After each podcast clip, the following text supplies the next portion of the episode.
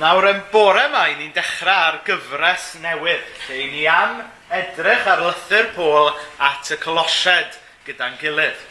Ac ni am dreulio um, chydig fusoedd i ddeud y gwir yn edrych ar y llythyr diddorol yma yn y Testament newydd. Um, dros y tymor, um, mewn pethefnos bydd um, cenhadon y BMS gyda ni, felly bydd o'n dda i ni gael turnout da i wrando ar, ar yn cynhadon cyswch ni. I ni am gael oedfa deulu hefyd um, y mis hydref, um, y nadolig a gwyl ddewi. So rhwng hynna a colosied, dwi'n meddwl dyna ni tan y pasg wedyn. Felly dyna syniad i chi o be ni am wneud efo'n gilydd ar foreau syl dros y misoedd i ddod. Ond dyn ni yn troi bore yma i edrych ar y llythyr diddorol yma gan y Colosiaid. Mae e'n lythyr cymharol fyr, mae e cyfwerth ar yw bedwar tudalen yn y Beibl, ond mae yna bethau gwerthfawr iawn i ni gan ddew, mae yna gair dew yw e, gair dew i ni, a gobeithio gan ni ddysgu lot gyda'n gilydd wrth astudio'r llythyr yma efo'n gilydd dros y misoedd nesaf.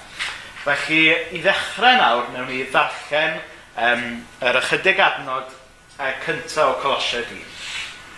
Pôl, apostol Christ Iesu trwy ewyllus Dyw a Timotheus ein brawd, at y saint yng Ngholosia, rhai ffyddlon yn Christ, gras a thangnefedd i chi oddi wrth ddew ein tad.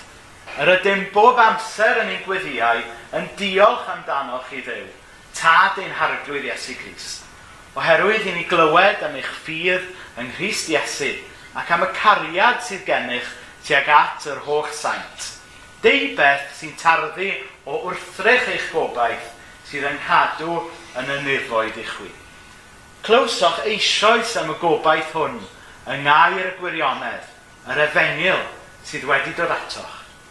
A mae'r efengil yn dwy'n ffrwyth ac yn cynyddu trwy'r holl byd – yn union fel y mae hefyd yn eich plith chwi. O'r dydd y clywsoch am ras Dyw a'i am gyffred mewn gwirionedd, dysgachos hyn oddi wrth epaffras, ein cydwas anwyl, sy'n weinidog ffyddlon i Grist ar eich rhan, ac ef sydd wedi'n hysbysu ni am eich cariad yn yr ysbryd. Felly, da ni am ganolbwyntio ar yr adnodau agoriadol yna i'r llythyr bore yma. Nawr, llythyr um, oedd hwn gan yr apostol Paul. A mae'r adnod gyntaf yma'n dangos i ni, wel, pwy yn union oedd yr apostol Paul? Wel, yr apostol Pôl oedd apostol Christ Iesu. Ac ystyr apostol, neu un o ystyron apostol, yw rhywun sy'n dod â gair Dyw Felly, mae'r adnod cyntaf yma'n dweithio ni bod Paul, dyw e ddim yn dod â'i eiriau fe, dyw e ddim yn dod â neges rhyw bobl eraill, ond mae e'n dod â neges Iesu Grist. A mae hwn yn rhoi rhyw syniad i ni reit ar y dechrau ar ba awdurdod mae'r neges yma yn dod i ni. Achos, i ni yn rhoi gwerth gwahanol ar wahanol negeseuon, yn dibynnu gan bwy maen nhw'n dod, yn dydyn. Dychmygwch na rhyw blant yn cwmpo mas gyda'i gilydd, o, mae eisiau chdi rannu hwnna efo fi a, a'r plentyn arall, ddim yn gwrando o gwbl. A wedyn mae'r plentyn, ti eisiau cael ei di rannu, yn dweud, mae mam yn deud bod rai chdi rannu hwnna efo fi. A mae e'n game changer yn dydy, mae'r plentyn yn sydyn reit yn gwrando wedyn, achos bod y neges yn dod gyda awdurdod. A rhywbeth tebyg sy'n digwydd fan hyn. Mae Paul yn dweud, wel, nid fy ngeiriau i, nid fy syniadau i, dwi am rannu gyda chi nawr, ond yn hytrach, neges sy'n gan ddiw i chi. Ac yn sydyn reit, mae'r neges yma neges sydd werth gwrando arni. A mae e'n neges bwysig i'r Cresnogion yng Ngholosia ac y neges bwysig i ni. Felly, mae e'n neges gan Paul Ond mewn gwirionedd, mae e'n neges gan yr arglwydd Iesu i hun.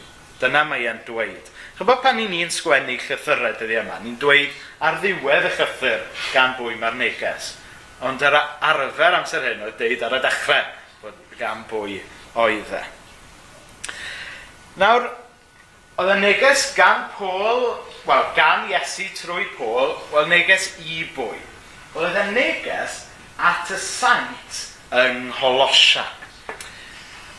Nawr, pan i ni'n clywed am y gair sant neu saint, i ni'n tueddu feddwl chywed am rhyw bobl mewn rhyw ffrociau, hetia mawr a rhyw helo yna ni. Um, chywed, neu, neu falle rhyw fynachod, chi'n gwybod, yn byw ar ynys yng Ngwlad Groeg, neu, neu ni'n meddwl chybod am bobl mae'r eglwys gatholig wedi codi i fod yn saint. A ni'n meddwl bod saint rhywsyd yn sôn am bobl eraill.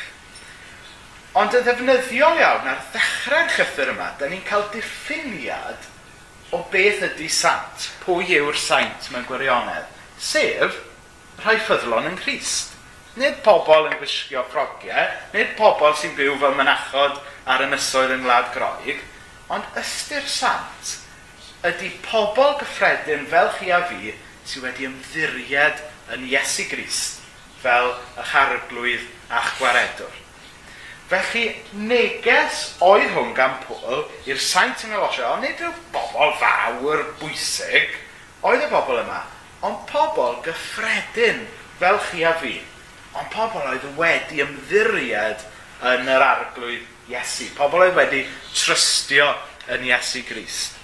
Felly beth dwi'n trio deitha chi ydy, mae hwn yn neges i ni. Mae hwn yn neges i bawb sydd wedi ymddiriad yn Iesu Grist, neu neges i bawb sydd yn ystyried ar hyn o bryd roed eich ffydd yn Iesu Grist. Ac, um, a mae hwn yn hyfryd dwi'n meddwl, yn dydy, bod yn neges sy'n dod i ni. Nawr, Nes i ar draws um, um, dyfyniad diddorol dros yr haf, sef bod ysgrifennwyd y Beibl i ni er na ysgrifennwyd y Beibl atom ni. Na be mae hwnna'n golygu yw bod y gair yma'n wreiddiol wedi cael ei sgwennu at y colosied. Felly mae'n bwysig bod ni'n edrych pwy oedd y colosied, beth oedd y cyd-destun, um, beth oedd y dylanwadau arnyn nhw ac yn y blaen. Ond ar yr un pryd mae e wedi cael ei sgrifennu i ni hefyd yn dydy. A mae hwnna'n yn ffordd dda i roi des. Sgwennwyd y Beibl i ni, ond mae rhaid i gofio na llwyd Beibl atom ni. Dyna pan bod yn bwysig i ni fel Cresnogion gyda help yr Ysbryd glan i astudio'r Beibl er mwyn deall beth sy'n mynd mlaen, er mwyn gweld beth gan Dyw i ddweud wrtho ni heddiw. A dyna gobeithio byddwn ni'n neud dros y misoedd nesaf. So, beth oedd y cyd-destun? Nawr, oedd Colosia yn ddinas neu ddref yn Asia leiaf, sef Twrci heddiw. Um, dwi'n gwybod, os rwy'n wedi bod i'r rhan yma o'r byd, os rwy'n wedi bod i Dwrci. Na, nef wedi bod i Dwrci. O, da chi wedi bod i Dwrci. Mae'n rhyw le mae ma pobl yn mynd. A rhy berig yn oed. Ti'n ti ddynas ddewr, Susan. Um, mae um, rhyw rhan o'r byd, mae rhai pobl yn mynd ar ei gwyliau dyddi yma, dydy. Um, ac oedd Colosia rhyw gan milltir i mewn o'r môr, mae'n debyg. Nawr, fiodd Colosia am gyfnod yn dref bwysig. Oedd e'n arfer bod yn dre gefnog ac oedd lot o fusnesau, lot o fasnach yno. Ond erbyn y cyfnod nath Paul sgwennu'r chythyr yma iddyn nhw, um, oedd pethau wedi newid. Oedd yr ardal wedi cochi i cyfoeth. Oedd yr ardal wedi cochi i masnach. Oedd yr ardal wedi cochi lot. Oedd pobl hefyd oedd lot wedi gorfod symud i ffwrdd er mwyn cael gwaith, er mwyn cynnal i teuluoedd. Be dwi'n trio cael ni ddeall yw, oedd Colosia yr amser gath eich llythyr yma yn dre, fel maen nhw'n dweud, yn has-been. Chi'n gwybod?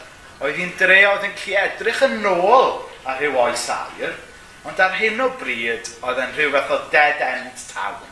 Oedd ddim lot yn digwydd yna. Oedd ddim lot o waith yna, oedd ddim lot o bobl ifanc yna. Mewn ffordd, be dwi'n eisiau cael ni ddeall ydy, oedd Colosia yn y cyfnod yma'n debyg iawn i lot o drefi a lot o ardaloedd yng Nghymru. Achos mae gyda ni yn does lot o drefi sydd wedi cochi gwaith. Mae gyda ni lot o drefi sydd wedi cochi diwydiannau. Mae gyda ni lot o drefi'n anffodus sydd ar bobl ifanc wedi gorfod symud i ffwrdd i gael gwaith. Ac i ni felly'n gwybod bod y math yna o drefi, bod y math yna o ardaloedd yn chwilio am rhywbeth i ddod â gobaith iddyn nhw fod y math yna o drefi yn chwilio am atebion, yn chwilio am rhywbeth wneud ddod â bywyd newydd i bobl a'r ardal. A be fyddwn ni'n gweld dros yr wythnosau nesaf yw fod y bobl yma yng Ngholosia wedi darganfod gobaith newydd. Bod nhw wedi darganfod bywyd newydd. A'r bywyd newydd drwy ymddiried yn Iesu Grist. Yn y gorffennol, o'n nhw wedi dibynnu ar arian, ar gyfoeth, ar swyddi. Ond nawr maen nhw wedi dysgu trystio rhywbeth sydd gyda nhw am byth. Rhywbeth fi ddim yn ei gadael nhw lawr. Sef Iesu Grist a be mae Iesu Grist wedi gwneud drostyn nhw. Oedd gobaith y colosiad erbyn hyn, oedd e ddim yn obaith gwleidyddol, oedd e ddim yn obaith economaidd, Ond oedd e'n obaith oedd yn dod gan Iesu Grist i hun. Felly dwi'n meddwl, wrth bod y neges at y Colosiad yn siarad mewn i'w cyd-destun nhw, bod neges y Colosiad hefyd yn gallu siarad mewn i'n cymunedau ni yng Nghymru heddiw. Achos i ni'n gwybod yn dydyn bod cymunedau a'n cyd Gymru ni yn chwilio am rhywbeth. Ni, mae nhw di, mae lot di colli swyddi, mae lot yn byw bywyd anodd. Ond mae gan Eglwys Iesu Gris neges sy'n gallu dod â gobaith i'n cymunedau ni. Felly, gobeithio wrth i ni edrych ar y neges yma, neu ni sylwi bod hwn yn neges mae Cymru a'n cyd Gymru ni angen heddiw. Nawr mae'r um, gair yn ymlaen wedyn ar ddiwedd adnod 2. Um, Mae Paul yn cyfarch nhw drwy ddweud gras a thangnefedd i chi o ddi wrth ddiw ein tad. A mae hwn yn rhyw fath o catchphrase gan Paul. Chyfo mae yna rai pobl yn cael ei adnabod wrth i catchphrases yn does. Chi'n meddwl am rhywun, tybod, to see you, to see you night, a rhyw, tybod, rhyw bobl fel yna ar y teledu. Tybod, nhw'n cael ei adnabod wrth i catchphrases. A mae hwn bron a bod yn catchphrase gyda'r apostol Paul. Mae e wastad yn dechrau, wastad yn gorffen i lythyrau drwy ddymuno gras a tangnefedd i chi oddi wrth ddiw ein tad. A mae'r ffordd mae rhywun yn cyfarch rhywun yn dweud lot amdanyn nhw, yn dydy. Um, heddiw, mae lot o bobl, yn arbennig pobl ifanc falle, yn gadael i'r ffordd maen nhw'n cyfarch pobl i'w diffinio nhw. Mae cofis, dydyn, mae yna rhyw ffordd arbennig gan y cofis o gyfer bobl. Na, ddim yn addas i wael adrodd mewn capel, ond mae yna ffordd gan y cofis o gyfer pobl. Neu, neu falle, um, pobl Bangor, pobl Bangor Eyes, ynddo fe? Mae chi'n adnabod pobl Bangor fel yr Eyes. Ac gen i joc i ddweud y gwir, na i ddweud y joc nawr. Oedd, um, chybod, Wi-Fi ydy enw y rhwydwaith yma, mae internet yn dod trwyddo fe. A mae yna stori am, am rhywun yn cerdded mewn i dafarn y Mangor a gofyn, you got Wi-Fi? No, divorce di.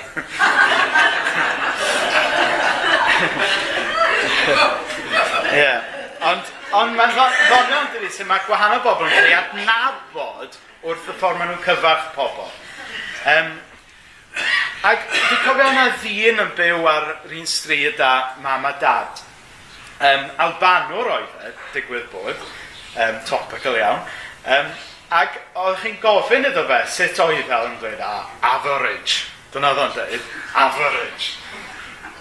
Ac wastad, average. Beth gwell, beth gwaith, average oedd e'n bob tro. A dyna sydd y pobl yn adnabod e. Y pobl yn galw fe Mr Average. Chymryd a ni'n gallu cael yn adnabod y dydyn gyda'n dywediadau a, a ffordd da ni'n cyfarch pobl. a mae'n hyfryd dydy bod yr apostol Paul, mae dyma oedd ei catchphrase e. Dyma sut oedd e'n cyfarch pobl. Oedd e'n cyfarch pobl gyda gras a tangnefedd Iesu Grist. A dyna sut bobl dylen ni fod yn dyfa. Dylen ni fod yn cael adnabod fel pobl sydd yn dod â gras a tangnefedd dew i bobl. Dylen ni gael yn diffinio drwy fod yn bobl sydd yn cwpan yn hanner llawn nid yn hanner gwag. Oherwydd bod Iesu wedi ennill. Oherwydd bod Iesu wedi delio â'n holl broblemau, a'n holl bechodau ni ar y groes. Ac wrth gwrs, i ni yn wynebu pethau anodd. Dydy bywyd ddim yn fel i gyd. Ond, os ydy Iesu wedi marw ar y groes dros ni, os ydy Iesu wedi atgyfodi, fe allwn ni fod yn bobl tua'r cwpan yn hanner llawn. Fe allwn ni gael yn odweddu gyda catchphrase fel hyn, bod ni yn llenwi'n bywydau gyda gras a thangnefedd, a bod ni'n cyfarth pobl eraill hefyd gyda gras a thangnefedd fel oedd yr apostol Paul yn neud. Nawr mae'r gair ym ymlaen wedyn yn adnod 3 um, i ddweud bod Paul yn diolch am y Cresnogion yma yn Colosian. Mae fe'n gweddio dros y Cresnogion yma yn Colosian. Nawr, ar y pryd, pan nath Paul sgwennu'r geiriau yma, mae'n debyg fod e yn y carchar yn Ephesus. Nawr, dychmygwch hyn nawr, yn yw mae'r jyst yr adnodau cyntaf yn positif ac yn uplifting iawn ond maen nhw wedi cael ei sgwennu gan ddyn yn y carchar. Hynny yw, sut gall dyn sydd yn y carchar gael ei lenwi gyda'r fath o baith? Wel, yr ateb yw oherwydd bod e'n adnabod Iesu Grist yn dyfa. Um, er fod Paul yn y carchar, dyw e ddim yn gadael i hynna i gael e lawr. Dyw e ddim yn gadael i hynna fod yn faich am fe. Yn hytrach, mae e'n gweld a llawenhau fod yna bobl eraill dros y byd yn dod i adnabod Iesu Grist. A mae hwnna yn ei gyffroi e. Er bod ei sefyllfa bersonol e, reit anodd ar un o bryd, ond dwi e ddim yn gadael i hwnna fynd ei sylw e. Mae e'n canolbwyntio ar y newyddion da, sef bod yna bobl yng Ngholosia wedi dod i adnabod Iesu Grist. A mae e'n dangos eto yn dydy bod Paul yn un o'r bobl yma oedd â cwpan yn hanner llawn. Pam? Achos bod e'n adnabod Iesu Grist. Nawr, oedd na ddau reswm um, oedd e'n excited i glywed am y Cresnogion yma. Oherwydd, a, bod nhw'n bobl oedd wedi rhoi ffydd yn Iesu, a b, bod nhw'n bobl oedd yn caru pobl Iesu. So bod nhw'n caru Iesu a bod nhw'n caru pobl Iesu. Bod nhw'n caru i gilydd fel petai. A mae hwnna mor bwysig yn dydy. A beth pwysicaf i bob un ohono ni yw bod ni'n adnabod a trystio Iesu Grist. Ond wedyn, mae e yr un mor bwysig i ni garu pobl ddew, i ni garu yr eglwys. Allwch chi ddim cael un heb y llall. Dychmygwch nawr bod rhywun yn dod lan ata i a dweud, o, oh, dwi, da ni'n ffrindiau da yn dydan Rhys, da ni'n domlaen yn dda, da ni'n gret, da ni, ond fe drem diodde'r mena yna. Oh, drem diodde, o, oh, drem diodde'r siadan. A ni'n fasa'r person yna ddim wir yn ffrind i fi, na fasa. Ond i bai bod nhw hefyd yn caru'n wraig i. Mae un yn dod gyda'r llall. A mae'r un peth yn wir fan hyn. Os ydyn ni'n caru Iesu, byddwn ni hefyd yn caru, cyd caru, yn cyd grisnogion. A mae hwnna'n amlwg fan hyn y mywyd y colosied. Bod nhw yn adnabyddus am eu cariad at Iesu, ond hefyd bod nhw'n caru i cyd grisnogion hefyd. Allwch chi ddim caru un yn iawn heb garu y llall. Mae e'n mynd mlaen wedyn yn adnod 5 i ddeud, wel, beth oedd yr ateb? Beth oedd i gyfru am y brwdfrydedd yma o'i gan y colosied dros Iesu a dros ei gilydd. Wel, mae e'n sôn fan hyn am wrthrych i gobaith nhw, am wrthrych i ffydd nhw. Hynny yw beth oedd yn, beth oedd yr crux y beth, beth oedd yn gwneud i'r cyfan glicio. A mae hwn yn cyffwrdd ar rhywbeth pwysig iawn yn dydy. Sef beth yw gwrthrych yn ffydd ni? I ni'n byw mewn oes lle mae ffydd, um, i ddweud y gwir yn rhywbeth eitha trendy. Mae lot o bobl yn dweud bod plant nhw ffydd. Chi'n clywed pobl yn dweud, tyd, I've got faith in you, neu, neu bod ganddyn nhw ffydd mewn rhyw wleidydd, neu bod ganddyn nhw ffydd mewn rhyw berson enwog maen nhw yn ei ddilyn. Ond dydy ffydd ynddo fe ei hun ddau ddim byd na di. Y cwestiwn yw, ym beth mae'n ffydd ni. Ac fan hyn, i ni'n deall mae gwrthrych, bod gwrthrych ffydd y colosiad yn hadw yn y nefoedd i chi. A mae hwnna mor bwysig i gofio. So pan, pan mae rhywbeth pwysig gyda ni gadw, i ni falle yn rhoi e mewn seff dan y grisiau, chi'n gwybod? Os rhywun yn ei hynna, peidiwch deud, rhywun yn ei hynna. Dwi'n cofio um, modryb, hen fodryb i mi, chwaer nain. Ac oedd, oedd Auntie Nancy yn trystio banks. A dwi'n cofio pan fi oedd Auntie Nancy farw, Drian, a, a dad a'i frawd yn clirio allan y tŷ, oedd dim plant efo hi. Ac oedd yn amlwg bod hi ddim yn trystio banks, ac nhw'n ffeindio po math o bethau. A ffeindio nhw 500 mewn tebot. Dweud y cyfan. A mae e'n deud lot yn dydy lle da ni'n cadw pethau sy'n werthfawr i ni. Drychwch yr e. Wrthrych eich gobaith sydd yn cadw, nid mewn tebot, nid dan y gwely, nid dan y grisiau, yn y nefoedd. Dyna lle mae'n trysor go iawn i'n dyfa. Dyna lle mae Iesu Grist nawr yn teirnasu. Dyna oedd gwrthrych gobaith um, y Cresnogion yma yng Ngholosau. A gobeithio mai dyna di gwrthrych yn ffydd ni hefyd. Nawr, y, y pwynt ola am bore yma, cyn bod ni'n mynd mlaen at y cymryd. Nawr, um, cynnyrch rhes hafod fan hyn, um, ffrwythau o'r ardd.